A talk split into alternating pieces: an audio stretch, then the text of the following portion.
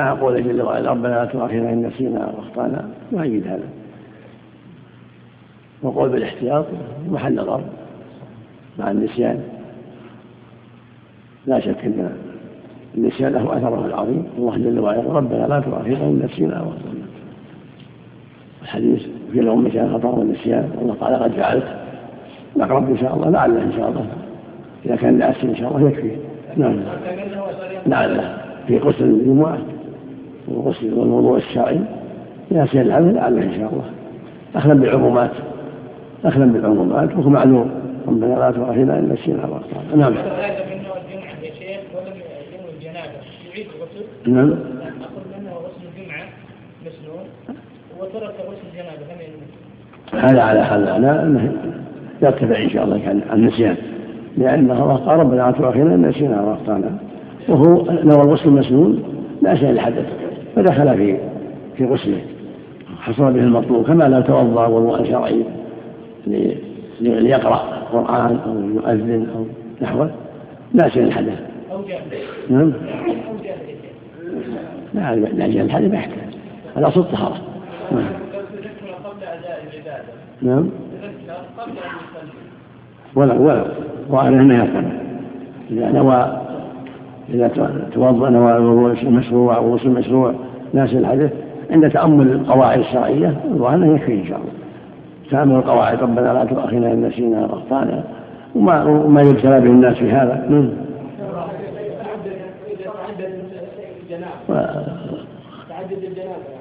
ما ولو تعدد. إذا غسل الجنابة ولو عن جماعين أو ثلاثة أو أربعة يجزي غسل واحد. نعم. نعم. وكذا عكسه. نعم. أي إن واجبا أجزى عن المسنون. وهذا لا شك فيه إذا واجب أجزى عن المسنون. لو غسل واجبا أو وضوءا واجبا أجزى عن المسنون ولا شك. يدخل فيه التبع. ولا شك في هذا نعم. وإن نواهما حصلا. وإذا نواهما هذا أكمل وأكمل. يحصل لها الأمران لو غسل الجمعة وغسل الجنابة الوضوء للصلاة. والوضوء ينام على طهارة كل هذا نعم. والأفضل أن يغتسل للواجب ثم للمسنون كاملا. لا يكفي لا يحتاج يكرر. مثل ما قال السلف إذا غسل واحد كفى. لا يغسل غسلين. إذا اغتسل الواجب دخل المسنون تبع إذا غسل يوم الجمعة لجنابه دخل غسل الجمعة والحمد لله. ويكفي. بدعة تكرار. قد لا يقال بدعة لكن يقال تركه أولى. لأنه قد يدخل في التأويل يظن من باب تأكيد العبادة لكن الأقرب والله أعلم أن هذا لا وجه له. أي المقصود حصل. النظافة والطهارة والنشاط كله حصل الحمد لله إذا. القول الأخير هذا ما نعم. ضعيف؟ القول الأخير ضعيف. إيش؟ القول الأخير إيش؟ أن يغتسل مرتين. لا ضعيف. يغسل واحد. إذا غسل الجنابة أو توضأ الحدث كفى نعم. النية في الصلاة قبل التكبير ولا بعد التكبير؟ مع التكبير. قرب التكبير ومعه كونها تقارنه أفضل وقبله بيسير ما يضر.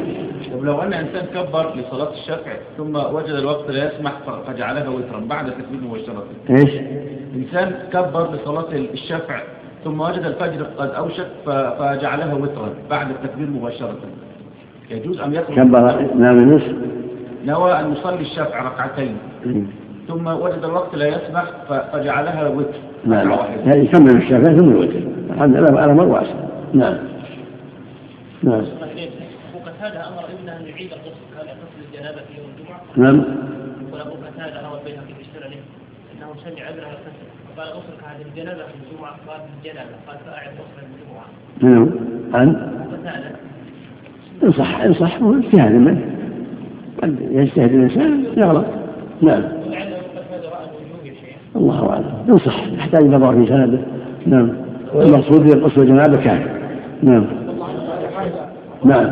وإن اجتمعت أحداث متنوعة وإن اجتمعت أحداث متنوعة ولو متفرقة توجب وضوءا أو غسلا فنوى بطهارته أحدها. لا على أي على لا على ألا يرتفع غيره ارتفع سائرها أي باقيها لأن الأحداث تتداخل. نعم يجتمع الأحداث. ونوى بالطهارة رفع الحدث. كحل مثل خرج من الريح وبال تعوض ثم تطهر للجميع طهورا واحدا كفى أو جنابة. مرتين جامع مرتين أو ثلاث. يكفي غسل واحد؟ والحمد لله. نعم. النية نوى أحدها يقول. نوى أحدها كفى نوى الوضوء عن ما خرج من الريح يعم الحدث كله. نوى الوضوء عن الجنابة نوى يعم الجنابة أنواع الجنابة كلها والغسل الآخر كان عليه غسل آخر مثل مثل امرأة طهرت من الحيض وجامعها زوجها عليه غسل الحيض وغسل الجنابة جميعا نعم. يعني لا يجوز له يطهر الجميع حتى الطهر نعم. الله إذا اغتسل للجنابه قبل اذان الفجر ونوى للجمعه يدخل ذلك لا إذا كان قبل الفجر لا يغتسل الجمعه الجنابه في الليل قبل الفجر ما يكفي. يستحب له غسل الجمعة بعد ذلك عند ذهابه إلى الجمعة. إن كان بعد الفجر. بعد الفجر يكفي. وإذا اغتسل عند ذهابه إلى الجمعة طيب. لأن بينهما مسافة. نعم. لأن الأحداث تتداخل فإذا ارتفع البعض ارتفع الكل. نعم. يعم على الغسل والطهارة. ويجب الإتيان بها أي بالنية عند أول واجبات الطهارة وهو التسمية يجب يجب الإتيان بالنية عند أول الطهارة عند غسل يديه للوضوء أفضل. ولكن يجب عند أول واجب عند غسل الوجه عند منظر الاستنشاق يجب إحضار النية على للوضوء وإن أحضرها عند غسل اليد كفين ثلاثا كان أكمل وأكمل. نعم. كان بالتسمية التسمية نعم. أول واجب. نعم. عند أول واجبات الطهارة وهو التسمية يعني نعم. يجب الإتيان بها عند أول واجبات الطهارة وهو التسمية نعم. ويجب الإتيان بها أي بالنية عند أول واجبات الطهارة وهو التسمية صدق نعم. على نعم. عند على قول بوجوبها نعم. فلو فعل شيئا من الواجبات قبل النية لم يعتد به. نعم. فلو فعل شيئا من الواجبات قبل النية لم يعتد به. نعم. لم يعتد بما فعل قبل النية. يعني كغسل اليدين كالتسمية نعم. يعيد التسمية نعم. نعم. يعيد التسمية ويعيد غسل اليدين إذا قلنا بوجوبها يقول مشهور عند الجمهور إنه مستحب. نعم. أحسن ذلك يا شيخ هذه التسمية إن كان إنسان داخل الدورة هل يسمي الله داخل الدورة. وبسم الله ثم يتوضأ والحمد لله. بدون كراهة نعم. نعم. ويجوز تقديمها بزمن يسير كالصلاة ما تكفيها التسمية سرا الله نعم. سرا أو جهرا نعم. ويجب تقديمها بزمن يسير. يعني النية لا. كالصلاة إيش؟ ويجوز ويجوز تقديمها بزمن يسير كالصلاة يسير يسير نعم. أو الوضوء كذلك. ما لم ينقضها بشيء آخر. نعم. لكن مع مع بدء الوضوء ومع بدء الصلاة يكون أكمل. نعم. كالصلاة نعم. مع التكبير يعني تكبير الإحرام تكبيرات الإحرام. نعم. الراجح في التسمية. الوجوب أم الاستحباب؟ حديث فيها ضعف؟ لا حديث فيها ضعف؟ لا استحباب. هو متأكد عند الجمهور وإذا احتاط وخرج من الخلاف يكون أحسن. لا يتساهل لا يتساهل فيها يأتي بها. نعم. ولا يبطلها عمل يسير نعم. العمل يسير ما يبطلها. كون أخذ شيء أو وضع شيء عنده قبل أن يبدأ في الوضوء قبل أن يبدأ في الصلاة يستحب يعيد غسل اليدين إذا قدمهما على النية. إذا قدم غسل اليدين على الأمر واسع إن شاء الله لأن غسل اليدين مستحب. ذلك غير النوم إذا قال إذا كان هو غير القائم من النوم. وإن عادها مع حتى يكون النية قد شملتها كلها يكون أكمل. وتسن النية عند أول مسنوناتها أي مسنونات الطهارة. كغسل كغسل اليدين في أول الوضوء. تسن عند أول مسنوناتها كغسل اليدين عند أول الوضوء. بخلاف غسل اليدين إذا قام النوم فإنه واجب غسلها واجب. عند قيام من النوم نعم. إن وجد قبل واجب أي قبل التسمية نعم. إن وجد قبل واجب يعني غسل اليدين. يغسل عند غسل اليدين ثم يسمي وإن سمى قبل كان أكمل. نعم. أحسن يا شيخ. بالنسبة لغسل اليدين عندما الإنسان يستيقظ من النوم هل هذا بالليل فقط؟ الليل نعم الليل. في الليل. ما يهم النهار. الواجب في الليل. نعم. جزاك الله نعم. ويسن استصحاب ذكرها أي تذكر النية في جميعها أي جميع الطهارة. لتكون نعم. أفعاله مقرونة بالنية. يكون هذا بعد النية نية الطهارة. مستحب ولا يضر عزوبة عن البال لكن مستحب. يكون هذا بعده أحسن. نعم. ويجب استصحاب حكمها أي حكم النية لئلا ينوي قطعها حتى يتم الطهارة. يجب أن تبقى مع النية لا يقطعها. فإن عدل عدل عن النية وهون بالصف الوضوء عاد من أوله. نعم. وإن عزبت عن خاطره لم يؤثر. نعم. وإن شك في النية في أثناء طهارته استأنفها. شك النوى أو ما نوى استلمها إذا يكون وسواس يترك الوسواس. أما إذا شك يعيد من أوله لكن إذا كان مساوس لا يضر يستمر يستمر يكمل والحمد لله. نعم. إلا أن يكون وهما كالوسواس فلا يلتفت إليه. نعم هذا الواجب لأن بعض الناس يبتلى بالوسوسة يبتلي ثم مضى ثم قسم الأمر أو يهون هذا كله من الشيطان. لا لا يلتفت إلى هذا يكمل وضوءه والحمد لله. ولا يضر إبطالها بعد فراغه. ولا يضر بعد الفراغ إبطالها ولا الشك في ذلك بعد الفراغ. بعد الوضوء أو بعد الصلاة شك هنا ولا من الأول. ما يلتفت إلى هذا. هذا من الشيطان. لا يلتفت إليه. وضوء الصحيح وصلاة الصحيح. الشك في النية أو في أي شيء من الصلاة أو الوضوء لا يضر. بعد الصلاة يكون لاغي. الشك لاغيا ولا يضر إبطالها بعد فراغه ولا شك بعده. كل هذا لا. إبطالها أو شك بعد ذلك لا يلتفت إليه لأنه من الشيطان. وإن شك أنه ما قال الحمد لا لا يلتفت إليه وصفة الوضوء الكامل أي كيفيته أن ينوي ثم يسمي وتقدم ويغسل كفيه ثلاثة تنظيفا لهما فيكرر غسلهما عند الاستيقاظ من النوم وفي أوله أي الوضوء.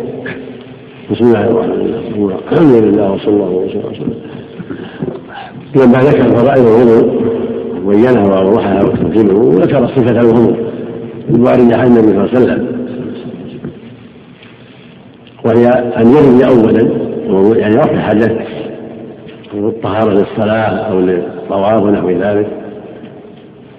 ثم يغسل يديه ثلاث مرات وتجب ويجب إذا كان من نوم الليل يجب وجود وإن كان بعد ذلك سن سن ذلك. ويكفي متى غسلهما ثلاثا كفى. ولا يكرر. غسلهما ثلاثا من أجل قيام من الليل ما هذه حاجة إلى كرر ذلك. يدخل المستحب الواجب. هذا هو الصواب. فإذا غسلهما ثلاثا فقد أدى الواجب عند قيام من الليل وأدى السنة أيضا. فيغسل يبدأ بهذا. وقبل هذا التسمية. سمي الله عند بدء وضوءه. حديث لا وضوء رسول الله عليه وإن كان في سنده مقال لكن سنة. البداء بهذا كل أمر جبال بسم الله وأقدم فيه البداء بسم الله على كل حال مشروعة والخلاف الوضوء ثم يغسل كفيه ثلاث مرات وجوبا إذا كان من الليل وإذا كان من غير نوم الليل فهو مستحب كما فعله النبي صلى الله عليه وسلم. كان يبدأ فيغسل يديه ثلاثة عليه الصلاة والسلام. وهو المعلم المرشد عليه الصلاة والسلام. نعم. الله على قول المؤلف تكون الغسلات الأولى قبل الوضوء عند الاستيقاظ من النوم. هذا مثل ما تقدم الصواب أنه يدخل المستحب في الواجب. يعني قبل إذا كان من نوم الليل غسلها ثلاثا وأجزاء ذلك. عن الواجب وعن المستحب. نعم. الله يعني على قول المؤلف قبل التسمية. نعم. على قول المؤلف. الأول أنه فقط ثلاث ثم الثاني هنا الوضوء. قبل يغسل ثلاث والتسمية ويكفي الصواب يكفي هذا. وهذا تكفي غسل ثلاث يكفي عن النوم وعن الوضوء. التسمية تكون نعم. تكون قبل قبل الوضوء. قبل الصلاة نعم. ثم يتمضمض ويستنشق ثلاثا ثلاثا بيمينه ومن غرفة أفضل ويستنثر بيساره. هذا هو الأفضل. يتمضى ويستنثر ثلاثا ثلاثا بيمينه. هذا هو الأفضل. وإن اقتصر على واحدة أو اثنتين؟ كفى وضوء مرة مرة فعله النبي صلى الله عليه وسلم. صحيح البخاري النبي صلى الله عليه وسلم وضع مرة مرة ومرتين مرتين وثلاثة ثلاثة. فالواجب مرة. يتمضى مرة يستنشق مرة يغسل يديه مرة إلى آخره. والأفضل ثلاثة. وإن فاوت بينهما بعضها مرة وبعضها مرتين وبعضها ثلاثة فلا أمر واسع الحمد لله. نعم. غسل اليدين في قبل الوضوء. وإذا كان بغرفة واحدة أفضل. غرفة واحدة كما ثبت في الأحاديث الصحيحة. بعضها المضمضة وبعضها الاستنشاق. ويغسل وجهه ثلاثة. وحده بقلابة شعر الرأس المعتاد غالبا إلى من حذر من اللحيين والذقن طولا مع ما استرسل من اللحيين. ومن الأذن إلى الأذن عرضا. هذا في الوجه يغسل وجهه ثلاثة. يبدأ من عبد الشعر إلى من حذر من اللحية. هذا طولا. وعرضا إلى فروع الأذنين. يعني الوجه كله ما بين الأذنين ومن ما بين الشعر فوق إلى اللحية وما استرسل منها أسفل. كل هذا يسمى وجه. لأن تحصل به المواجهة والواجب مرة. أن يعمه بالماء مرة والسائل سنة. الثانية والثالثة سنة. ومن الأذن إلى الأذن عرضا. لأن ذلك تحصل به المواجهة نعم. وهذا فعل النبي صلى الله عليه وسلم. نعم. والأذنان ليس من الوجه بل البياض الذي بين العذار والأذن منه.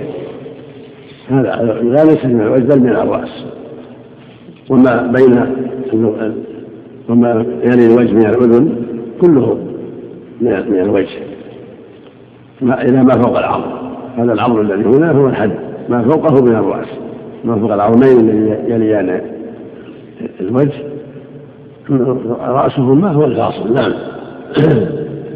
ويغسل ما فيه أي في الوجه من شعر خفيف يصف البشرة كعذار وعارض وأهداب عين وشارب وعنفقة لأنها من الوجه. كل ما في الوجه من الشعر يغسله إذا كان خفيف يغسل حتى يصل الماء إلى ما تحته إذا كان يغسل البشرة. ما بين الأذن ما أقبل من الأذنين وما يلي الصفة السفلى وهو العنفقة والشارب كلها تغسل لأنها خفيفة إذا أن يصل الماء إلى ما تحتها لقلتها أما اللحية يكفي ظاهرها إذا غسل ظاهرها كفى وإن خللها فهو أفضل. نعم. ما تحت الشفة السفلى. ما تحت السفلى نعم. واللحية نعم الله إليك.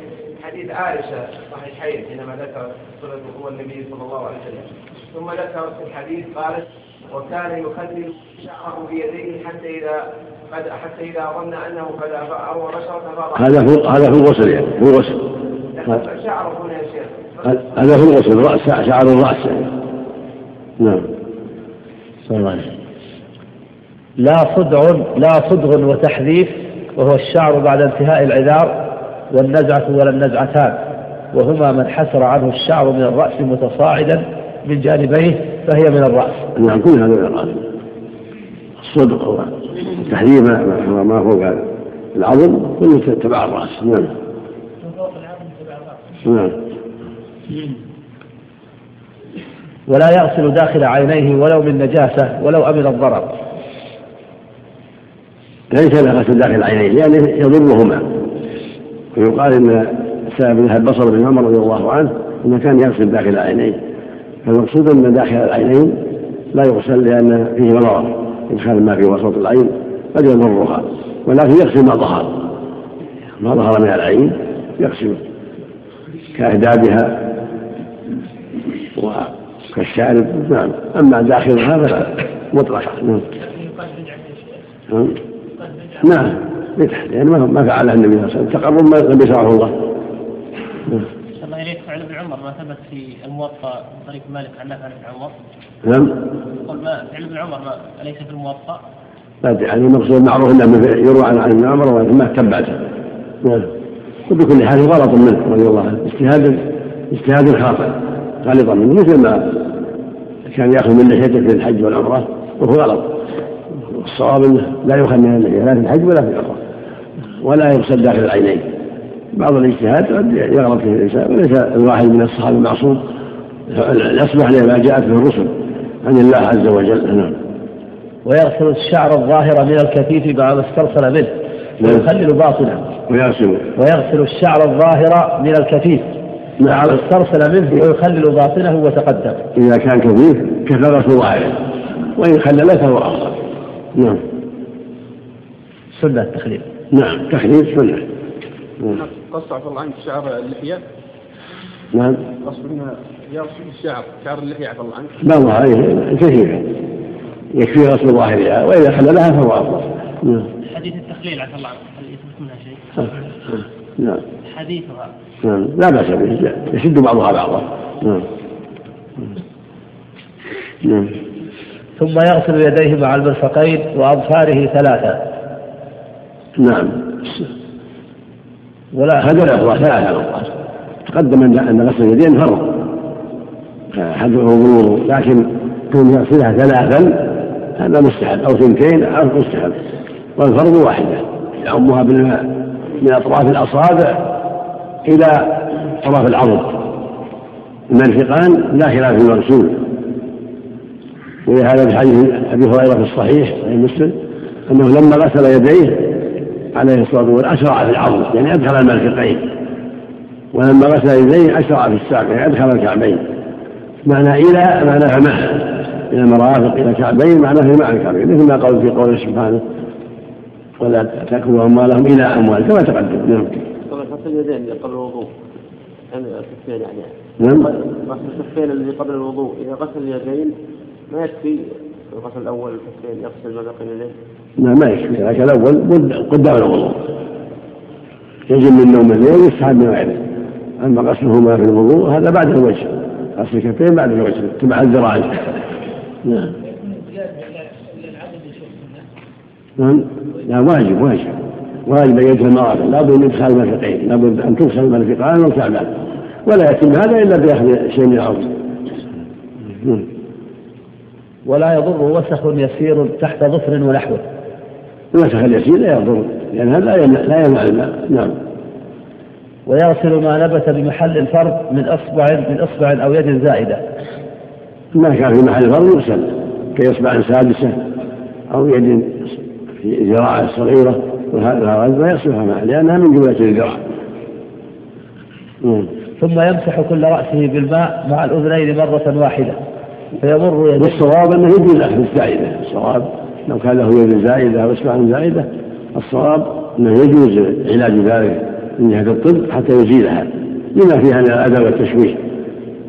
لكن لو وجدت وقت الوضوء غسلها نعم. نعم. نعم. ثم يمسح كل رأسه بالماء مع الأذنين مرة واحدة فيمر يديه من مقدم رأسه إلى قفاه ثم يردهما إلى إلى الموضع الذي بدأ منه. وهكذا يغسل مسح رأسه. لا يحتاج إلى غسل لأنه الله قال وامسحوا من رؤوسكم وهكذا فعل النبي صلى الله عليه وسلم. يعمه بالمسح هذا الصواب.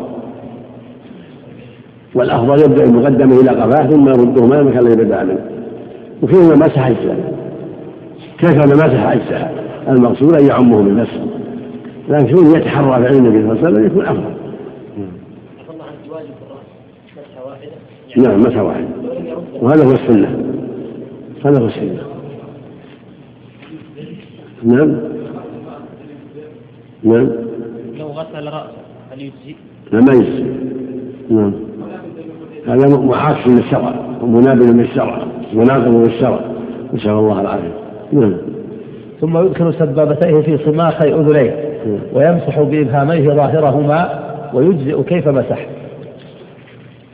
نعم يدخل إصبعيه في صباغي أذنيه ويمسح به من ظاهر أذنيه وكيف مسح أجزاء الحمد لله. لأن الأذنين من الرأس والنبي كان يمسح أذنيه نعم يدخل إصبعيه في سم- السماخين ويمسح بإبهاميه ظاهر أذنيه كما فعله النبي صلى الله عليه وسلم لأنهما من الرأس. نعم. يحتاج إلى تأمل أسانيده نعم. لكن النبي كان يمسح عليهما صلى الله عليه وسلم. هما من الرأس بلا شك.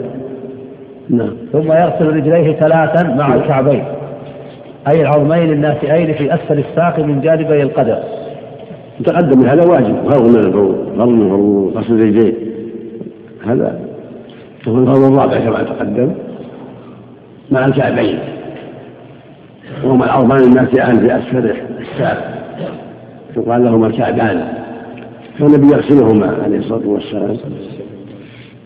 فلا بد من غسلهما حتى يشرع في الأرض كما تقدم. يعني حتى يستوفيهما. نعم. مسح القفا أحسن الله إليك من مسح الرأس. نعم. مسح القفا مسح ما لا أصل لا لا ما لا أصل صحيح. نعم.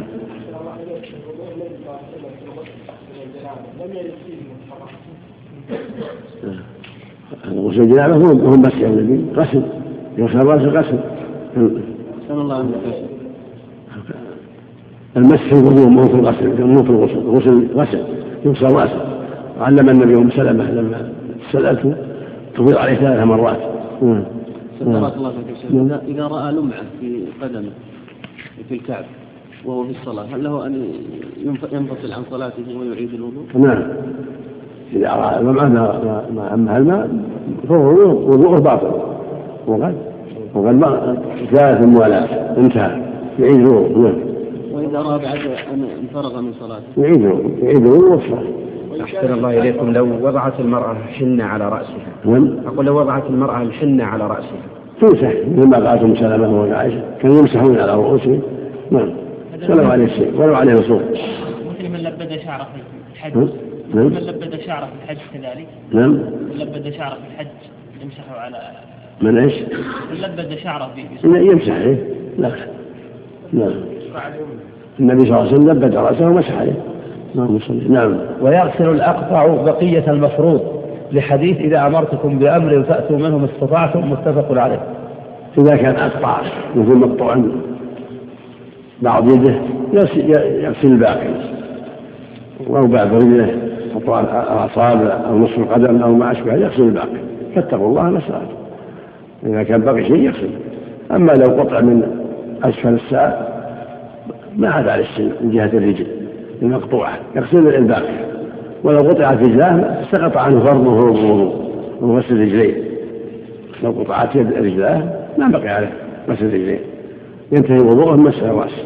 نعم. فإن قطع.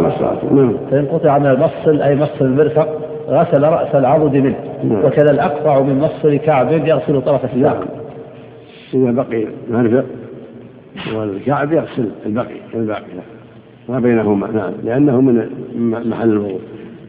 يعرف طرف الساق أحسن نعم. طرف الساق وطرف المرفق ما بين ما مفصل الكعب من الساق ومفصل المرفق من العضد نعم. ثم يرفع بصره إلى السماء بعد فراغه ويقول ما ورد. ومنه أشهد أن لا إله إلا الله وحده لا شريك له وأشهد أن محمدا عبده ورسوله. بعدما يفرغ من الوضوء يرفع نظره إلى السماء ويقول أشهد أن لا إله إلا الله وحده لا شريك له وأشهد أن محمد عبده ورسوله. رواه مسلم من حديث عمر رضي الله عنه. يقول صلى الله عليه وسلم ما من أحد يتوضأ فيبلغ الوضوء أو قال يسبغ الوضوء ثم يقول أشهد أن لا إله إلا الله ولا شريك له وأشهد أن محمدا عبده ورسوله. إنه فتحت له باب الجنه ثمان يدخل من ايها شاء زاد الترمذي رحمه الله في اسناد صحيح اللهم اجعلني من التوابين واجعلني من المتطهرين. وجاء في رواية النسائي في سنه صحيح سبحانك اللهم وبحمدك أشهد أن لا إله إلا أنت أستغفرك اللهم واشهد مثل دعاء قيام المجلس. فإذا فعل هذا وهذا كان حسن. لأن ليثبت هذا وهذا عن النبي صلى الله عليه وسلم بعد الوضوء. لكن نظروا إلى السماء في سند بعض المقال. وهو النظر إلى السماء في سند بعض المقال. ولا أعلمه جاء من إسناد في إسناد صحيح. وفي النظر. فإذا فعل نظره فلا بأس. وإن لم يفعل فلا بأس. صلى الله إليك. تقديم اليسرى على اليمنى خلاف السنة. نعم. تقديم اليسرى أي عضو من الأعضاء على اليمنى. خلاف عند الجمهور سنة. نعم. وينبغي المؤمن أن يعتني بهذا يقدم كما فعله النبي صلى الله عليه وسلم. بارك نعم. الله فيك زيادة عند الترمذي. اللهم اجعلني من التوابين. لا بأس بها جيدة. نعم. وتباح معونته الله إليك أي معونة المتوضئ وقال اللهم اغفر لي ذنبي واسع لي في داري. حديث أبي. هذا جاء في رواية النسائي لكن في فيها نظر في سنة نظر وليس فيها دليل على أنه عند الوضوء مع الوضوء قد يكون بعد الوضوء لكن ما قد تتبعت ما ما ما ثبت عندي ما يدل على ثبوت عنه صلى الله عليه وسلم. يحتاج إلى تأمل. وهو ما ما هو فيهن حال الوضوء يحتمل أن بعد الفراغ من الوضوء يحتمل أن عند الوضوء. يعني محل نظر نعم. يعني أحسن الله إليك. يعني هذا الدعاء سمعه أبو موسى من النبي عليه الصلاة والسلام عرضا ولم يكن يواظب عليه في كل وضوء. يحتاج تأمل أو يحتاج جمع رواية طرقه نعم. وتباح معونته الثابت عند عند الوضوء مثل ما تقدم. نعم. وتباح معونته أي معونة المتوضئ وسن كونه عن يساره كإناء ضيق الرأس. وإلا معونته يكون يصب عليه الماء مثل ما صب النبي على صب المغيرة على النبي صلى الله عليه وسلم أن يعان صب يأخذ الإبريق يصب عليه أو غيره. لا بأس بذلك. فعله المغيرة مع النبي صلى الله عليه وسلم اللهم صل عليه نعم. وسن كونه عن يساره كإناء ضيق الرأس وإلا فعن يمينه. الأمر الأمر في هذا واسع. وأن عن يمينه يكون في جهة التي أرفق بالمتوضئ الجهة التي أرفق. نعلم في هذا نص يدل على هذا أو هذا. يكون في الجهة التي أرفق ويباح له تنشيف أعضائه من ماء الوضوء. يباح له تنشيف أعضائه؟ لأن لم في هذا ما يدل على السنية لا فعلا ولا تركا فبقي مباح. أما في الغسل قد ثبت في حديث ميمونة أنها تطمن به فرده وجعل ينهض الماء بيده. فالأفضل في الغسل نهض الماء بيده. كما فعله النبي صلى الله عليه وسلم. أما الوضوء لا يرد في شيء. من تمسح فلا بأس ومن ترك فلا بأس. ومن وضعه غيره ونواه هو صح. إذا وضعه غيره ونواه فلا بأس. لو غسل وجهه ويديه وغسل راسه بإذنه ونيته فلا بأس. إن لم يكن الموضئ مكرها مكرها بغير حق. نعم لا بد يكون باختيار. لا مكرها الذي يوضئه نعم.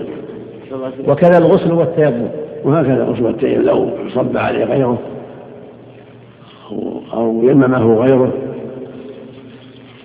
بإذنه ونيته فلا بأس الله إذا نعم. إذا غسل يديه ورجليه خرط خطاياه مع الماء ما يدل على التنشيف ولا في الأفضل نعم.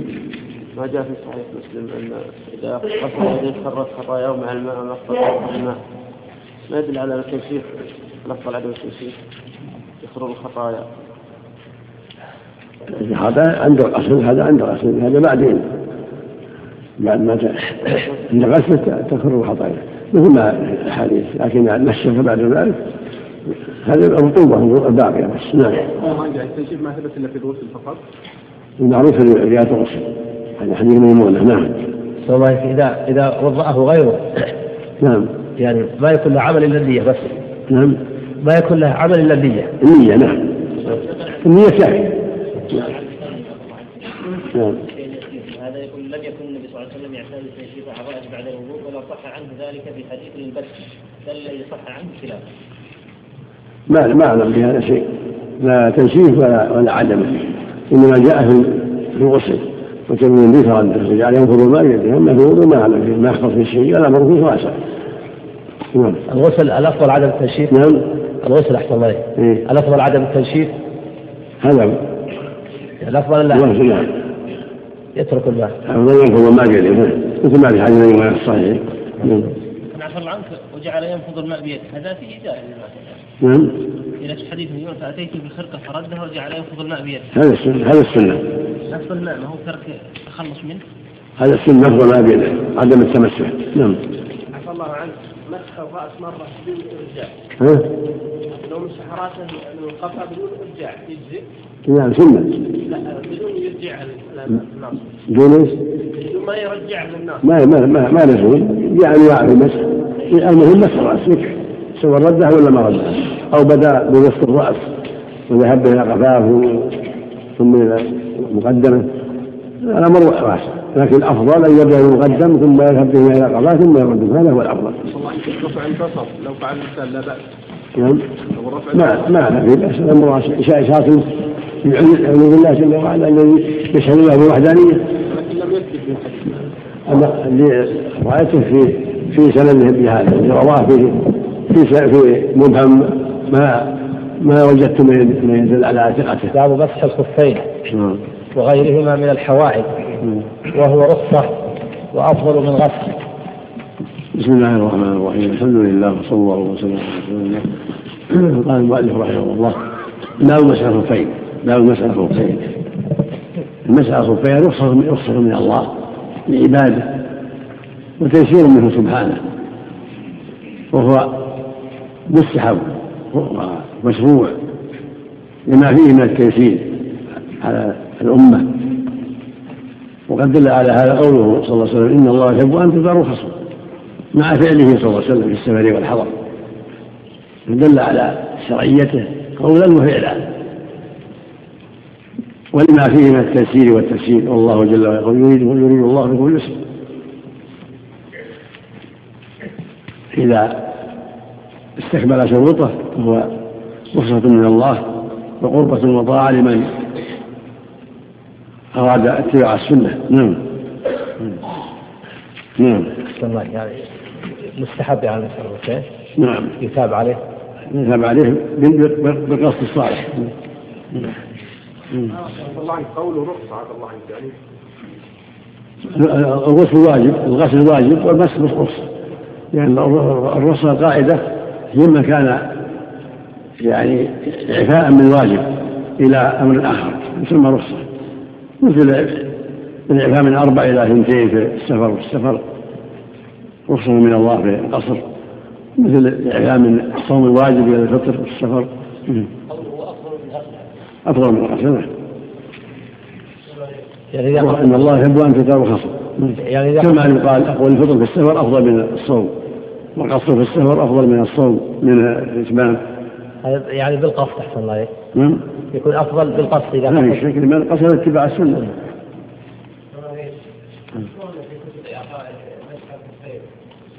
رد على الرافضة نعم. الذي يرد على الرافضة.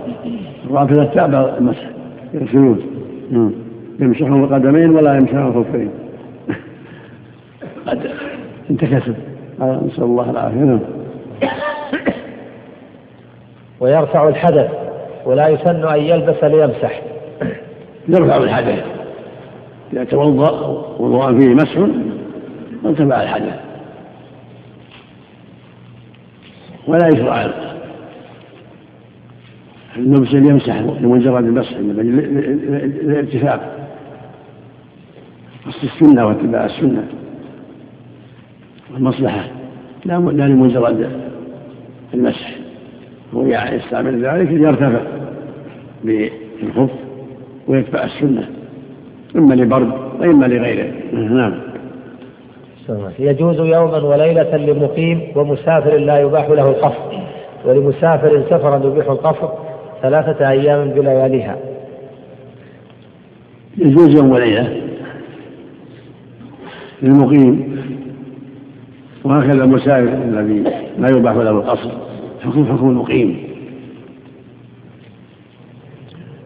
وللمسافر السفر المباح ثلاثة أيام بلياليها.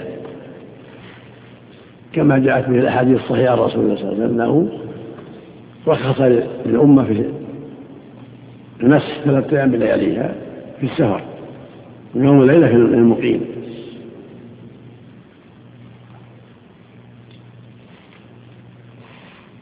وفي منع مسافر سفر القصر سفر معصية من المسح والقصر خلاف ونظر. والأقرب عندي والأظهر عندي أن أنه لا يمنع. لأن السنة عامة. فالمسافر يمسح ويقصر ولو كان سفره معصية. عليه التوبة إلى الله. وأخذه بالرخص من أسباب الرجوع إلى الله من أسباب توبته من أسباب تذكره فضل الله عليه.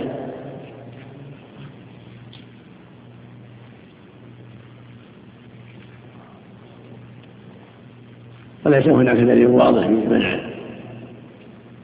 المسافر من القصر ولا منع من المسح.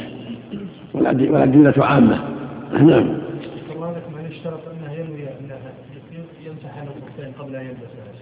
نعم. هل يشترط أنها ينوي قبل يلبسها أنها يمسح؟ لا لا ما ما ما يشترط. إذا لبسها على طهارة كفى. ولو ما نوى بها نعم إذا مسح المقيم ثم سافر يأتي يأتي. لا تعجب. امشي بالخير. لحديث علي يرفعه.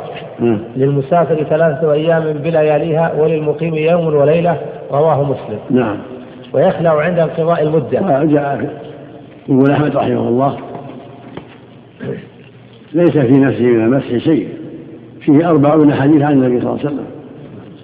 ويقول الحسن جاء النبي صلى الله عليه وسلم في المسح سبعون سنة قولية وفعلية الله المستعان. نعم. يمسح يوم الليل المقيم مثلا يمسح الحديث علي حديث أبي بكرة وأحاديث أخرى. نعم. ويخلع عند عند انقضاء المدة فإن خاف أو تضرر رفيقه بانتظاره تيمم فإن مسح وصلى أعاد. ويخلع عند تمام المدة. في حضر يوم الليلة والصوم يوم لكن يخلع أو يغسل قدميه. فإن فإن خاف أو تضرر رفيقه بانتظاره تيمم فإن مسح وصلى أعاد. فإن خاف أو تضرر رفيقه تيمم الخاف يعني من الخلع والمسح لأن الطريق مخوف يخشى أن جلس يخلع ثم يغسل. أن يكون هناك خطرا عليه. وهكذا إذا صار رفيقه شفاة التيمم. وهذا له وجه من جهة الشرع. لأن التيمم للعجز عن الماء يجزي وهذا عجز عنه يصل إليه. كصاحب الجرح ونحوه الذي أصابه الجرح يتيمم لا لا لا يستطيع غسل رجليه هو بهذه الحالة معلوم بالخوف أو تضرر الرفيق الذي معه.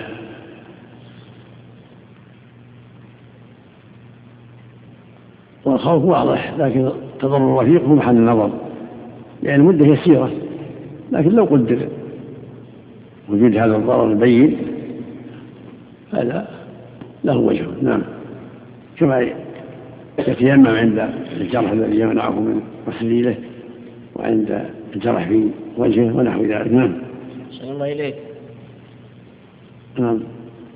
إذا تمت المدة وهو باق على طهارته. يأتي يأتي نعم. نعم. أحسن الله إذا مسح وصلى أعاد الجرح أقول الجرح إذا مسح ولم يتيمم صح. وهنا إذا مسح لأن تمت المدة انتقضت الطهارة. انتقضت الطهارة. نعم. تمت المدة فلو مسح ما أجزأه. نعم. وابتداء المدة من وابتداء المدة من حدث بعد لبس على طاهر العين. فلا يمسح على نجس ولو في ضرورة. ويتيمم وبعد انتهاء المدة من من الحدث بعد اللبس. تمتهي مدة اليوم والليلة وثلاثة الأيام؟ من الحدث بعد اللبس. والأصح من المسح بعد الحدث. لقوله صلى الله عليه وسلم يمسح المسافر ثلاثة أيام والمقيم يوم وليلة فالأصح من من مسح بعد حدث. فلو أحدث الضحى أو بعد طلوع الشمس ولم يمسح إلا الظهر يبدأ المدة من المسح من الظهر. فلو صلى الضحى الآتي ومسح توضأ لأن فلا حرج لأن ما تم اليوم اليوم والليلة ثم تمام مدة اليوم والليلة الظهر الآتي ظهر الغد. نعم. لو مسح قبل الحدث. صحيح طب هذا ما ما عليه عمل هذا تطوع. نعم نعم. العمدة على المسح بعد الحدث. نعم. الشيخ ثابت الله لو انتهى وقت الحدث ثم نسي وصلى فرضا أو فرضين يأتي يوم يأتي أبشر بالخير. اصبري شوي. نعم. الله عنك لو جدد الوضوء يبتدئ بعد هذا؟ العمدة على مسح بعد حدث يفهم تزيينه بعد حدث. نعم. مسح بعد حدث. هذا هذا البدء. نعم. فلا يمسح على نجس ولو في ضرورة. لا يمسح على نجس ولو في ضرورة بل يجب الخلع. لأن المسح على النجس والصلاة في النجس أمر باطل منكر. الواجب خلع الخلع النجس وغسل إليه. فإن مسح على نجس وصلى بالنجس بطل نعم. الصلاة باطلة والوضوء باطل. الصلاة باطلة والوضوء باطل لأن مسح على خف منهم شرعي ويتيمم معها لمستور مباح فلا يجوز المسح على مغصوب ولا على حرير يتيمم. ويتيمم معها لمستور مباح. قبله شوي إيش؟ فلا يمسح على نجس ولو في ضرورة. يمسح معها يعني مع الضرورة. ويمسح. فلا يمسح على نجس ولو في ضرورة ويتيمم معها لمستور مباح.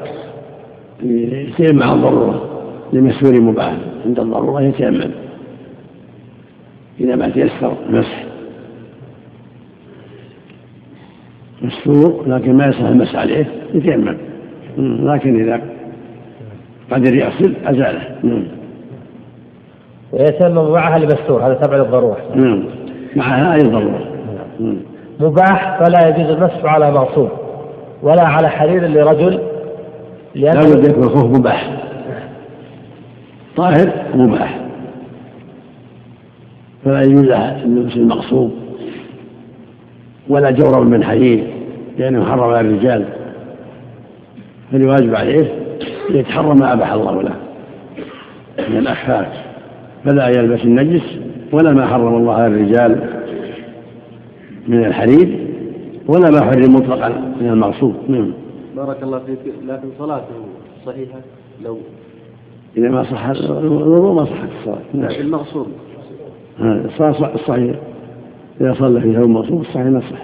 أو في أرض مغصوبة لأن العلة ما تخطر الصلاة. العلة عامة لا يجوز لبس المغصوب مطلقا ولا مو بالصلاة ولا يجوز إلا دخول الأرض المغصوبة ولا جلوس فيها ولا هو غير الصلاة. فإذا كان النهي لشيء خارج عن الصلاة صحت ما عليه. نعم. لا ما تصح الصلاة من يعلم لا يجوز يصلي وهو نجس والله عنك يا شيخ تصح الصلاة مع الإثم؟ نعم ما الإثم المغصوب. إذا المغصوب مع الإثم؟ مع الإثم نسأل الله العافية نعم.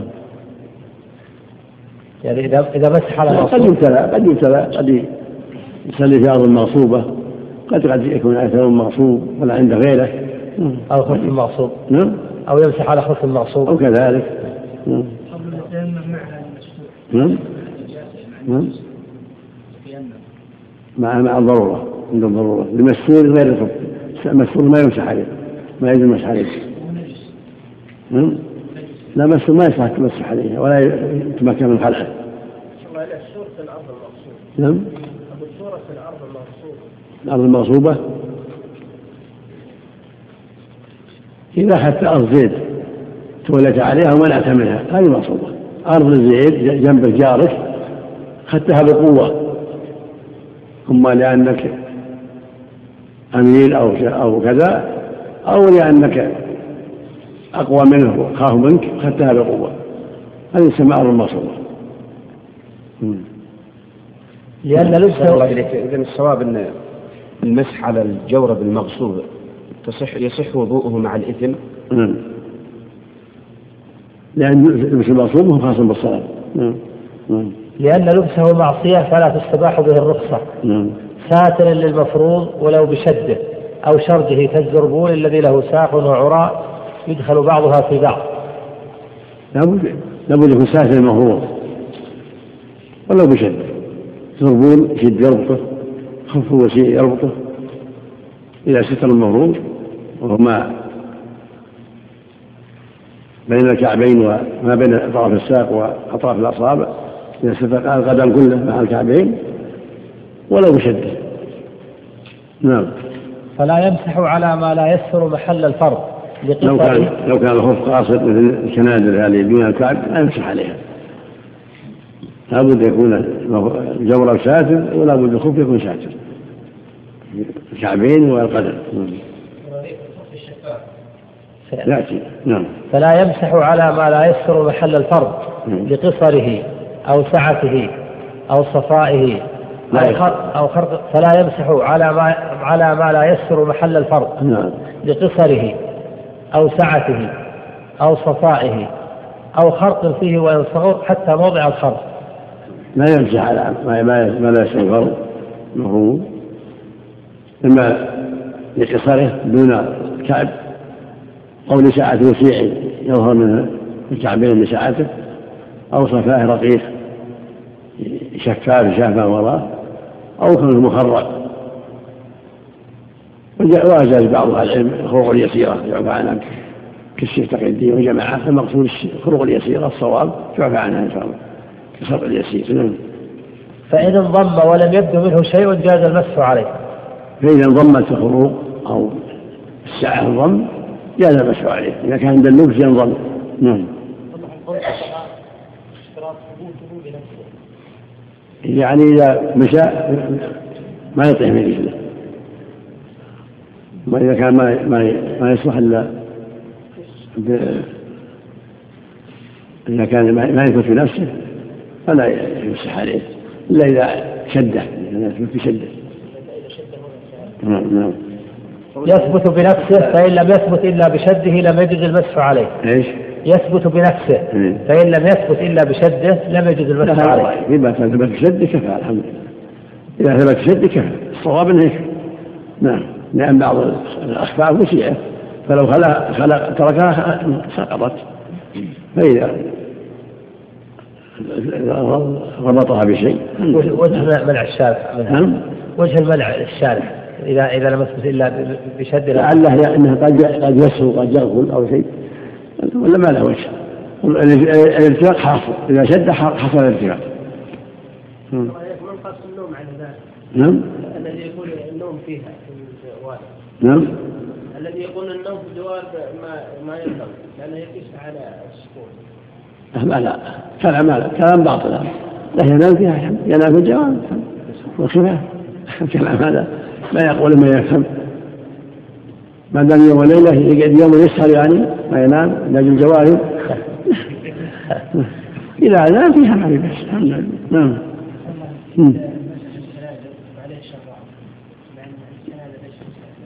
لا بد يمسح على كناد والشراب لا المسألة كانت وحده ما يجزي إذا كانت مكشوفة. لا بد يمسح على جواب وحده أو عليه على جواب والكناد وإلا ما يصح المسح أن يمسح على الشراب ولا عليهما جميعا. إذا كانت ساترة لمحل الفرض كذلك مثله نعم. نعم. وإن ثبت بنعلين مسح إلى خلعهما ما دامت مدته. وهكذا لو كان عن جورب يثبت النعلين يمسح عليهما جميعا. نعم. فإذا خلع النعل خلع الجورب معه. نعم. إذا كان يسير يرفع عنها إن شاء الله. نعم. نعم. نعم. النعل ونقض انتقض الوضوء؟ إذا خلع النعل يخلع الجور لأنه مسح عليهما جميعا. صار كالخوف الواحد. نعم. نعم. ولا يجوز ولا يجوز المسح على ما يسقط من الخف بيان لطاهر. أي يجوز المسح على خف يمكن متابعة المشي فيه عرفا. نعم. لا بد يكون يمكن متابعة المشي فيه. ولا بالربط ولا بربطه نعم. قال الإمام أحمد ليس ليس في قلبي من المسح شيء. فيه أربعون حديثا عن رسول الله صلى الله عليه وسلم. نعم ولهذا تقدم أن من السنة. يحيى السنة نعم. وجورب صفيق وهو ما يلبس في الرجل على هيئة الخف من غير الجلد. لا بأس الجورب الصفيق وهو ما كان من الصوف أو القطن ليس من الجلد يقال له جورب وإذا كان من الجلد يقال له خف. نعم. لأنه صلى الله عليه وسلم مسح على الجوربين والنعلين. رواه أحمد وغيره وصححه الترمذي. نعم لا بأس مسح الجوربين. لأن الرسول منها مسح عليهما ولأنهما في معنى الخف المقصود ستر الرجلين والارتفاع فهما في معنى الخف وثبت أنه مسح الخف جوربين والنعلين كما روى أحمد وأبو ذر وغيرهما بإسناد جيد. نعم. يعني ثبت على مسح على نصوص نعم. جوربين النصوص اللي مسح عليهم النبي صلى الله عليه وسلم. نعم. أقول من غير الجلد مسح عليهما نعم نعم. مع النعلين من صوف أو قطن. جوربين سواء سواء من صوف أو من قطن. أو من شعر. نعم.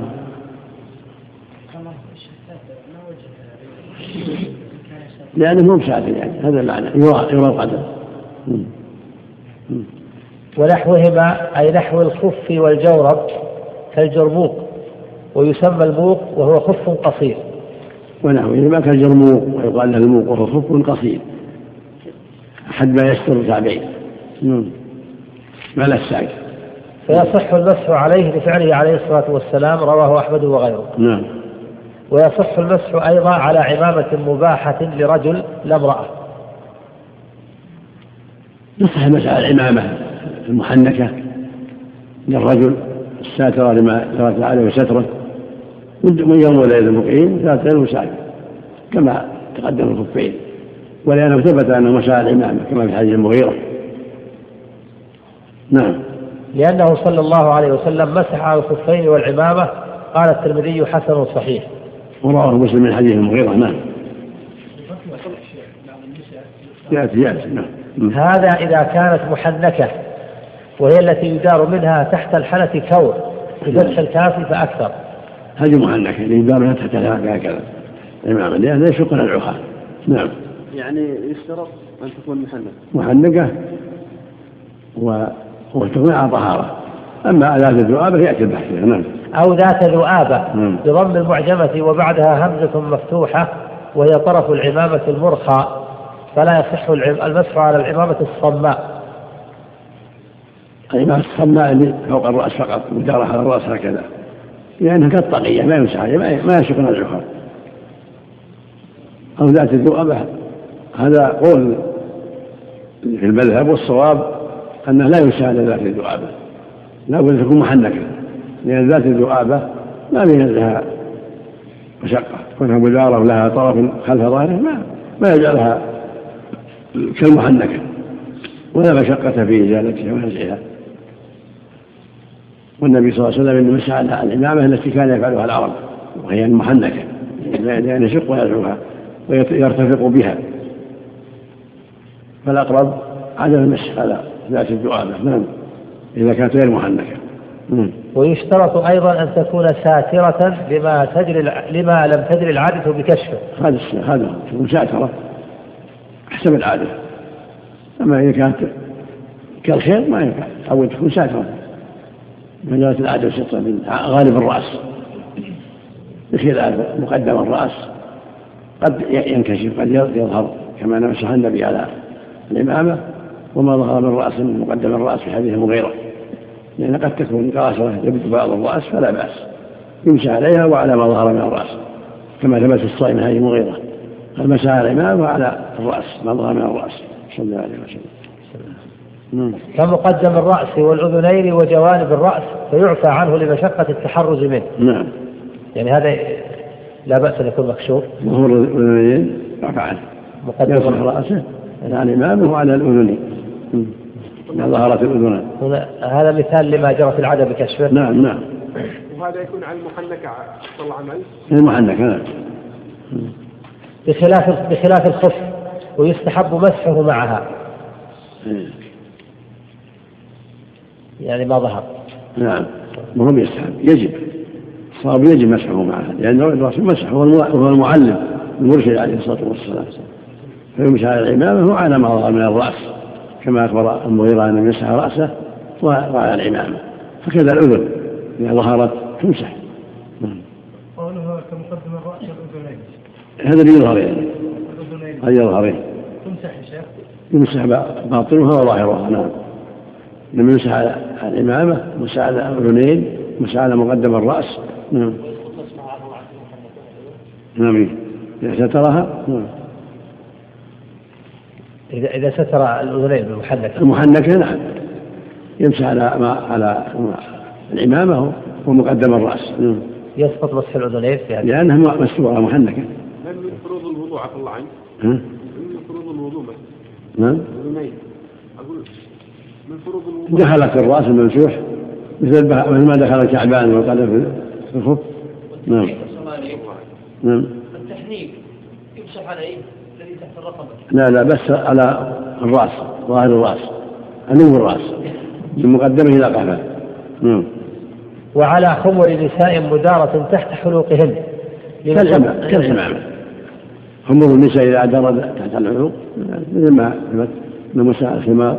كانت أم سلمة تمسح على الخمار لأن مثل مثل الرجل إذا كان لها خمار مدار تحت حلقها فهو كالعمامة المحنكة نعم. هذا يعني إذا صار يصعب إزالة هذا الشيء. يعني يشق بعض الشيء يشق بعض الشيء فيه تسهيل. نعم. صارت في دليل ولا بس قياس على العمامة؟ نعم. المسح على خمر النساء. في دليل ولا قياس؟ ما أعلم به إلا القياس على الرجل على الإمامة وفعله بعض أزواج النبي صلى الله عليه وسلم.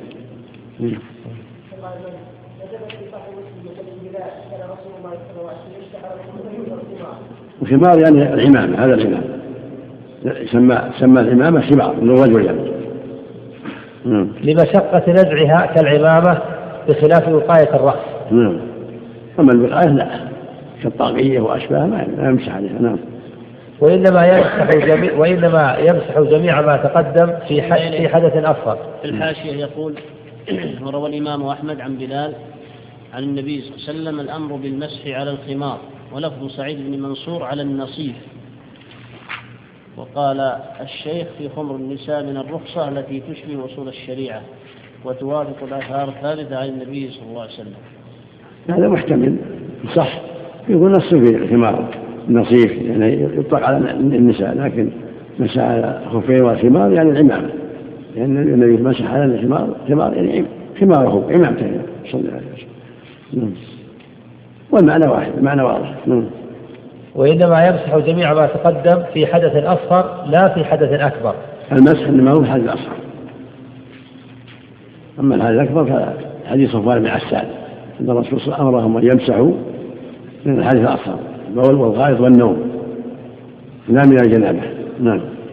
بل يغسل ما تحتها. نعم.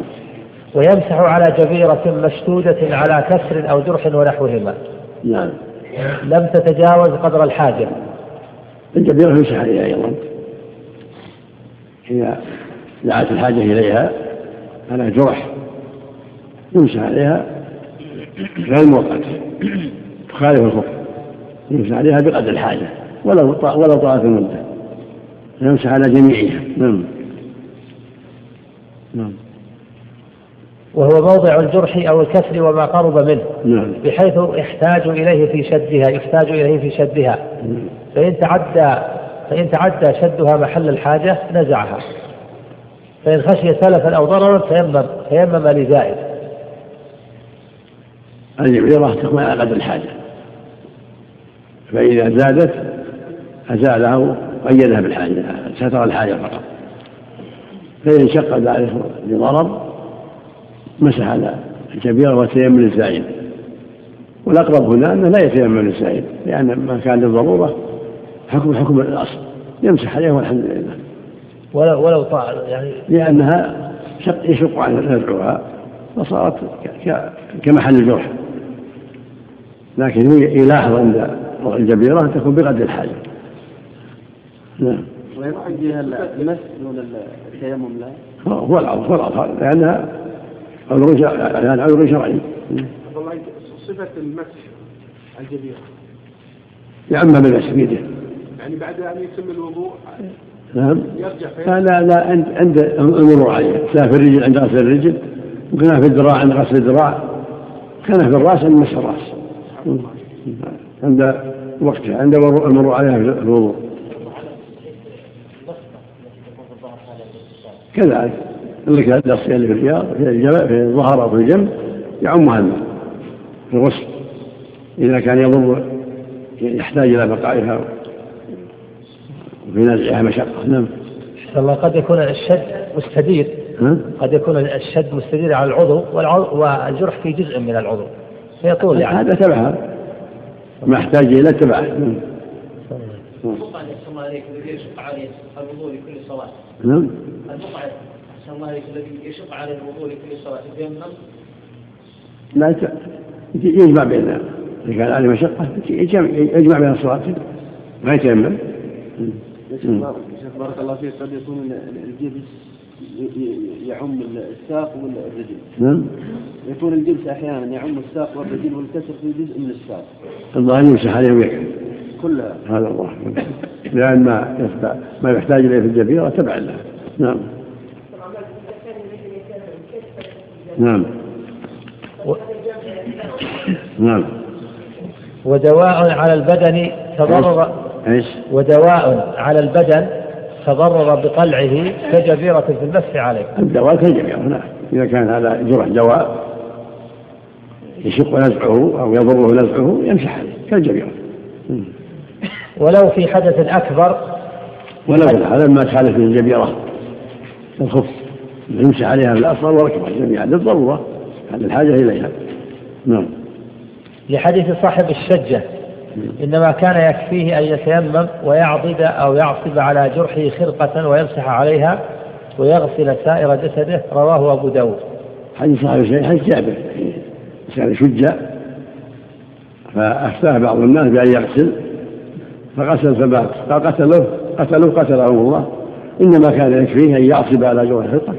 ثم يمسح عليها ويغسل سائر رواه أبو داود جماعة لكن في سنده بعض الضعف. نعم. لكن المعنى صحيح لأن الضرورة تدعو إلى ذلك. نعم. زيادة تيمم طبعا نعم. وفي الحديث تيمم. زيادة ضعيفة. زيادة التيمم ضعيفة. طيب. إذا أحسن الله كذا الحجة في هذا الضرورة. نعم. إذا كان الحديث ضعيف الدليل الحجة الضرورة يعني؟ نعم. قاعدة فاتقوا الله ما استطعتم. حتى لو ما جاء حديث. يقول لو ما جاء حديث فاتقوا الله. إذا جاز المسح. للرخصة وتسهيل فجوازه للضرورة من باب أولى. نعم. فاتقوا الله ما استطعتم لا يكلف الله نفسا وسعها. جاز مسح الخفين والإمامة للرخصة والتسهيل وهذا للضرورة. نعم. نعم كيف هذا تيمم غير غير المسح نعم رجل لا يتحرك في جسده نعم. رجل أحسن الله عليك لا يتحرك في جسده إلا رأسه. إيش؟ رجل أحسن الله عليك لا يتحرك في جسده إلا رقبته ورأسه فقط. ويمشي على كرسي. وعنده ساعة. ويتيمم الآن. فعله صحيح على أنه يجمع بين الوضوء والتيمم. ما يتيسر أحد يغسله عنده سائق يذهب به ويأتي به. إذا تيسر من يوضيه يتوضأ وإذا ما تيسر يتيمم. الحمد لله. من يمه خويه هذا. إيه. أو إذا تيسر أنه يوضأ يغسل وجهه ويديه يغسل رجليه يغسل رجليه هذا مستقيم بالمعين. ما يوضع السائق هذا؟ نعم. يقول السائق السيارة اللي معه يوضئه. يقول إذا تيسر نعم. يوظف أو زوجته أو أخوه أو خادم آخر. نعم. انه مركب على عليك نعم. أنه مركب على جهاد يستمر عليه تقريبا ست ساعات. يذهب به ويأتي به هذا الجهاد كالسياره الصغيره يعني ما يعني يعني ما يتيسر الغسل؟ يعني فيه شيء من المشقة. ها؟ فيه شيء من المشقة. يعني لازم الكرسي هذا اي نعم احسن الله عليك الله قرب الله أعلم من المشقة يتيمم. إذا مثل المريض اللي يشق عليه الوضوء نعم يتيمم حتى التيمم عفى الله عنك في حالة يراد من يو... ي- يمسح يمسح وجهه وكفيه الذي معه يمسح وجهه وكفيه نعم. الله عليكم شيخ الجمع بين الغسل والتيمم على العضو المتروك يا شيخ دليل يا شيخ. نعم. التفريق بين الغسل والتيمم. ويحتاج إذا كان عضو يعني متروك إيش؟ إذا كان يترك عضو يعني يقولون وي- ويتيمم عن الباقي دليل يا شيخ فاتقوا الله ما استطعتم فاتقوا الله ما استطعتم لأن إذا كان الذي ذراعه جرح ولا يستطيع غسله يتيمم لأجله الحمد لله. فاتقوا الله ما استطعتم. التيمم- والتيمم بدل بدل الوضوء. لو تعطر كله تيمم عن الجميع. نعم. والمسح عليها عزيمة إلى حلها. الجميع عزيمة بخلاف الخف رخصة أما الجميع عزيمة يلزم المسح عليها ولا يجوز الترك لأن الغسل واجب والوضوء واجب ولا سبيل إلى هذا إلا بالمسح عليها. أن يمسح على الجبيرة إلى حلها أو برء ما تحتها. نعم. متى برئ ما تحتها أو حلها غسل ما تحتها فإن شق أعادها ومسح. إن شق غسله أعاد الجبيرة ومسح عليها نعم. وليس مؤقتا كالمسح على الخفين ونحو- ونحوهما. المسح على الجبيرة ما هو مؤقت. والصواب أيضا أنه لا يشترط فيه اللبس على طهارة. يجوز لبسها على غير طهارة. فلو أصابه جرح ودعت الحاجة إلى وضع الجبيرة يجوز ولا ولا قبل أن يتوضأ. نعم. لأن مسحها لضرورة فتقدر بقدرها. نعم. مسح للضرورة قد تقدر بقدرها. ولا يستطيعها الطهارة قبلها ولا يوم ليلة ولا ثلاثة أيام بل بقدر الضرورة. ولو مسح عليها شهر أو أكثر. إذا لبس ذلك أي ما تقدم من الخفين ونحوهما والعمامة والخمار والجبيرة بعد كمال الطهارة بالماء. لابد شرط يكون على طهارة لبس الخفين أو الجوربين أو العمامة لابد يكون بعد كمال الطهارة. وهكذا الجبيرة على هذا القول. والصواب أن الجبيرة لا يشترط لها ذلك. الصواب أن الجبيرة يمسح عليها ولو لبسها على غير طهارة لأن لبسها للضرورة وهو للاختيار نعم. ولو مسح فيها على حائل أو تيمم لجرح. ولو مسح فيها على حائل لو ليس خفين وقد مسح على جبيرة آه، لبس الخفين طيب لا حرج.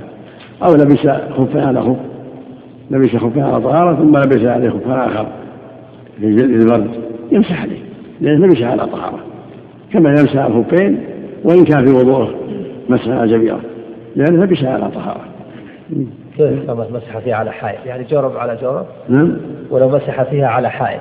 الضمير يعود إلى إيش؟ مثل جبيرة في ساقة في قدمه أو في ذراعه مسح يعني ثم أراد يلبس الخفين يلبس على الطهارة اللي فيها مسح. يعني مسح على الجبيرة اللي في, الرجل. نعم. في الجبيرة في رجله أو في ثم مسح أو في أو في ذراعه. ثم لبس عليها الخف يلبس الخف ويمسح عليه. يمسح الخف يعني نعم والخف يخلعه بعد بعد المدة. بعد المدة. والجبيرة يستمر. الجبيرة مستمرة. ويشترط يشترط في الخف الذي يلبسه. يشترط في الجبيرة قبل أن تكون طاهرة. على طهارة لبس الخف على الجبيرة. عندهم لا طهارة لكن الصواب يجب لبسها على طهارة. الصواب ما يشترط في الجبيرة لبسها على طهارة. خلاف الخف نعم. وكذلك الجورب عفى الله عنك؟ فيه يعني لو لبس جورب على جورب. بعد الطهارة. لو لبس الجورب على طهارة ثم لبس فوقه جورب على طهارة يمسح عليه. إذا كان على طهارة. نعم. ولو مسح ولو سبق أنه مسح على الأول مرتين أو ثلاث إذا مسح الأول أو مرتين ثلاث ثم لبس الخف الثاني ولبسه على طهارة. يعني مثل الجبيره يكمل مسح اليوم والليله على الأخير. إيه لأن لبس على طهارة. نعم. من قال أحسن الله إليك؟ يلزمه أن يمسح على الأول. لا مو بالعكس اذا كان لبس على طهارة يعمه تعمه الأدلة. يعني أو لبس على طهارة تعمه الأدلة. لأن الإنسان قد يلبس خف أو جورب ما يدفيه يحط عليه خوف. ثاني. نعم. لو لبس خوف. أو عمامة على عمامة. نعم. نعم. نعم. أي طهارة طهارة الرجل أم طهارة الجرب الأول؟ الوضوء الوضوء الشرعي. كل لبس على طهارة على وضوء شرعي. ولو مسح فيها على حائل أو تيمم لجرح. ولو تيمم لجرح. طهارة كاملة. ولبس خفي وامسح عليه. توضأ وفي يده جرح تيمم له طهارة كاملة. نعم. فلو غسل رجلا ثم أدخلها الصف خلع ثم لبس بعد غسل الأخرى. حتى يكون لبس على طهارة. إذا لبس اليمنى قبل أن يلبس اليسرى لو لبس اليمنى على طهارة قبل أن يغسل اليسرى. خلع عند عند غسل اليسرى يخلع اليمنى ويعيد اليسرى حتى يكون لبسها على طهارة. بعض الناس قد يغسل يده اليمنى ثم يدخل يدخل الخف قبل أن يغسل اليسرى ما تمت الطهارة. فإذا كملت الطهارة يخلع اليمنى ويعيد لبسها ثانية حتى يكون لبسها على طهارة. عند الكثير من العلم. وقال بعضهم لا يشترط ذلك كما قال الشيخ تقي رحمه الله وجماعة. والأحوط مثل ما قال. والأحوط خلعها. حتى يلبس لأن الرسول قال إني أدخلتهما طاهرتين في حديث المغيرة إني أدخلتهما طاهرتين وهذه أدخلهما قبل أن تتم الطهارة أدخل اليمنى قبل غسل اليسرى فبعد تمت الطهارة فالأحوط يخلعها بعدما يغسل اليسرى وهو قد وهو قد لبس اليمنى يخلع اليمنى ثم يعيد الساق حتى يكون لبسها على طهارة نعم نعم يعني يؤيد قول النبي صلى الله عليه وسلم إني أدخلتهما طاهرة لا يلبس خفين إلا بعد ما يغسل قدميه جميعا نعم ولو نوى جنب رفع حدثيه وغسل رجليه وأدخلهما الخف ثم تمم طهارته أو مسح رأسه ولو ولو ولو نوى جنب رفع حدثيه إيه. وغسل رجليه إيه. وأدخلهما الخف ثم تمم طهارته إيه. أو مسح رأسه ثم لبس العمامة ثم غسل رجليه. إيه. أو تيمم. ولبس الخف أو غيره لم يمسح ولو جبيرة. إيه لأن لبسهما على غير طهارة نعم لابد يصبر حتى يكمل الطهارة. نعم. في كل الصور هذه؟ لا يصبر هذه. يعني ما بعد كمال الطهارة. نعم. فإن خاف نزعها تيمم. نزع جبيرة الصواب مثل ما تقدم. لا حرج في لبسها على غير طهارة الجبيرة خاصة لأن العوارض تعلم. نعم.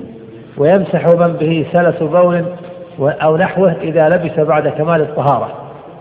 هكذا صاحب السلس يتوضأ بعد دخول الوقت يمسح يلبس الكفين يلبس الامام ويمسح مدة يوم وليلة. نعم. لأنها كاملة في حقه. نعم. فإن زال عذره لزمه الخلع واستئناف الطهارة. نعم. كالمتيمم حين يجد الماء. نعم. إذا زال عذره لزم على تجديد الطهارة. نعم. زوال عذره كيف يزول عذره انقطع السلس أو نحوه. أو الجرح اللي يمشي.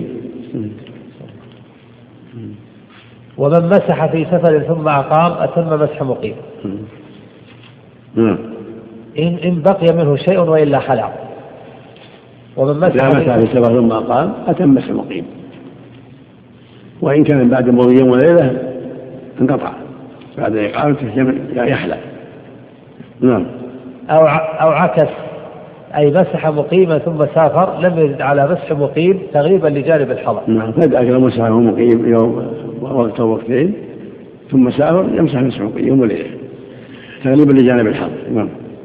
أو شك في ابتدائه أي ابتداء المسح هل كان حضرا أو سفرا فمسح مقيم. نعم كذلك لا شك مسح المقيم لأنه هو متيقن يوم وليلة. نعم. أي فيمسح أي فيمسح تتمة يوم وليلة فقط لأنه متيقن. نعم.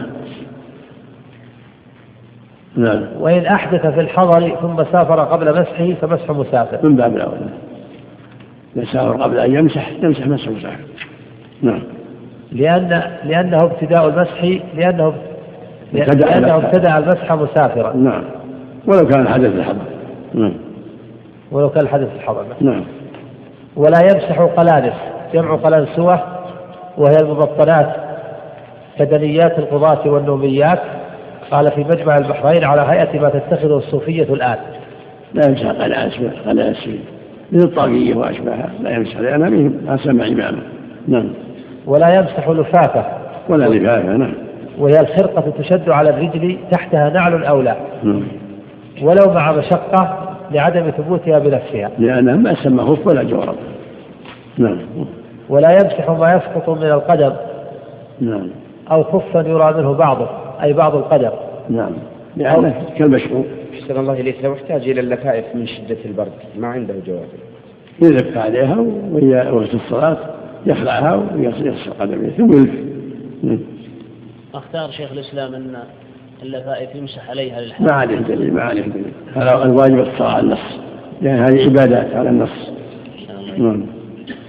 أو شيء من محل الفرض نعم. لأن ما ظهر فرضه الغسل ولا يجامع المسح متى ظهر واحد الفرض؟ انتقضت طهارة.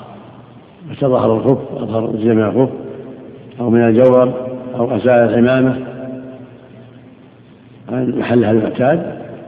انتقضت الطهارة. هذا هي هي يجدد الطهارة. نعم. نعم ولا منتهي لأن المقصود المسح على الخف قد أزاله. فإن لبس خفا على خف قبل الحدث ولو مع خرق أحد الخفين فالحكم للخف الفوقاني. إذا لبس على طهارة له قاعدة ولو مع خلق أحد الخفين مثل الكندر على الجورب. لكن يمسح عليهما جميعا وإن كان الفوقي ثابت كفى وحده. كان ساتر كفى وحده وصار الحكم له. نعم. وإن لبس الثاني بعد بعد بعد الحدث. هم؟ إن لبس الثاني بعد الحدث. لا ما يمسح لا بد يكون على طهارة يخلع. وإلا يخلع. ويمسح على الأصل. لكن إذا لبس الثاني على طهارة لبس مسح على الثاني. هم. عفى الله عنك الذي فهمنا فهمت منك تو عفى الله عنك أنه يمسح عليه شو الجورب الثاني عفى الله إذا لبسهما على طهارة يمسح عليهما جميعا. الكندرة والنعل. أو الكندرة والجورة والنعل والجورة والكندرة وإلا يمسح على الجور ويكفي أو يخلع الكندرة ويخلع النعل. يمسح على الجور ويكفي أما إذا لبس خفا كاملا على خف آخر على طهارة مسح الفوقان مثل جورب كامل على جورب آخر يمسح الفوقان إذا كان على طهارة. إذا الطهارة الأولى. قول شيخ الإسلام وإن كان مقطعا يبدو منه القدم لا يمسح عليه ولا بأس. قول ضعيف نعم. قول ضعيف نعم. إذا حدث خرق نعم. إذا حدث خرق كبير بعد المسح نعم. إذا حدث خرق كبير في الخف أو الجو يخلع يخلع. يخلع. نعم.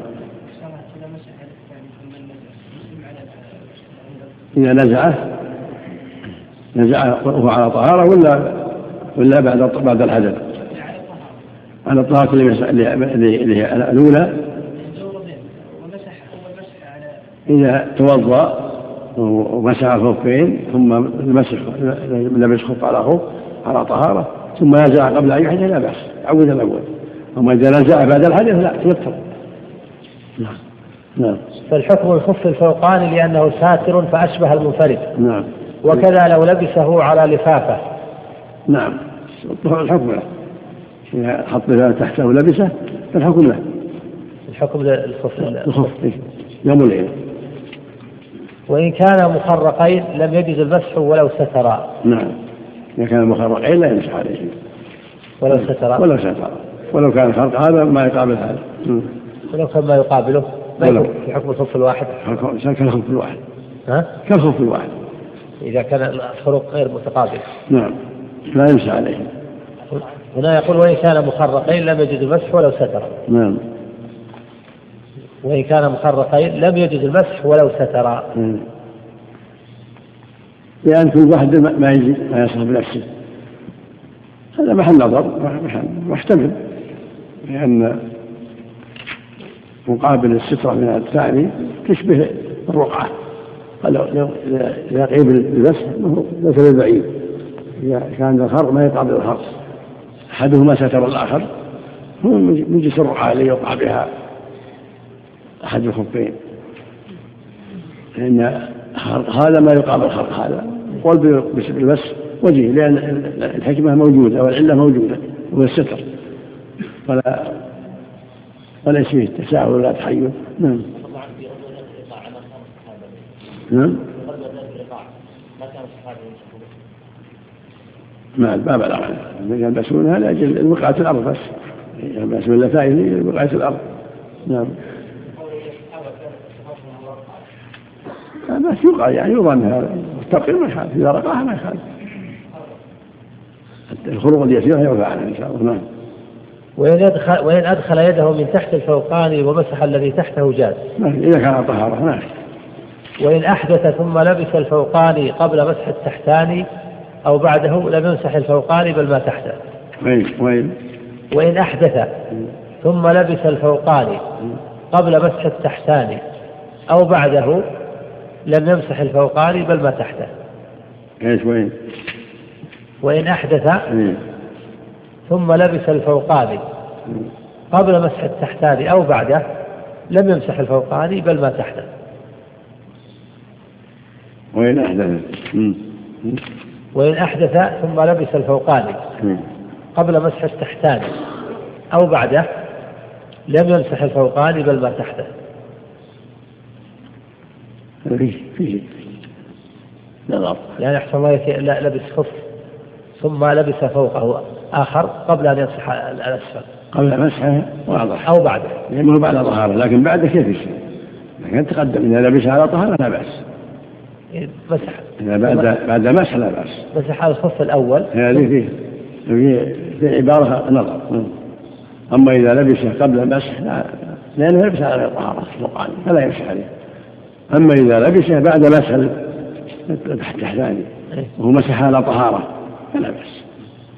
لكن أحسن الله إليك. يعني أليس من المقرر عندهم أن الإنسان إذا مسح على الخف الأول تعلق الحكم به. لو لبس ولو على طهارة مسح ثاني لا يمسح عليه قاعدة مثل ما تقدم. ولو على ولو على طهارة المنسوخ فيها خف أو جبيرة لا قصدي على كلام تقدم. كلام الفقهاء أنهم ما يرون هو تقدم هذا هذا ينقل ما تقدم. هو هذا ينقل ما تقدم. والعبرة هي لبس على طهارة. وهذا لبس على طهارة لكن قد بعد مسحه مسحا شرعيا يكون قد لبس على طهارة. نعم. إذا إذا كان لم يحدث ما في إشكال نعم.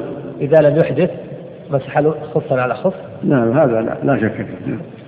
ما في إشكال. نعم. الكلام إذا أحدث نعم. المقصود على مسح بعد المسح الفوقاني التحتاني وقد مسح عليه على طهارة كاملة لا بأس. نعم. نعم. نعم. ولو نزع الفوقاني بعد مسحه لزم نزع ما تحته. إذا كان على غير طهارة. لو نزع بعد الحدث نزع ما بعد يعني بطلت الطهارة نعم.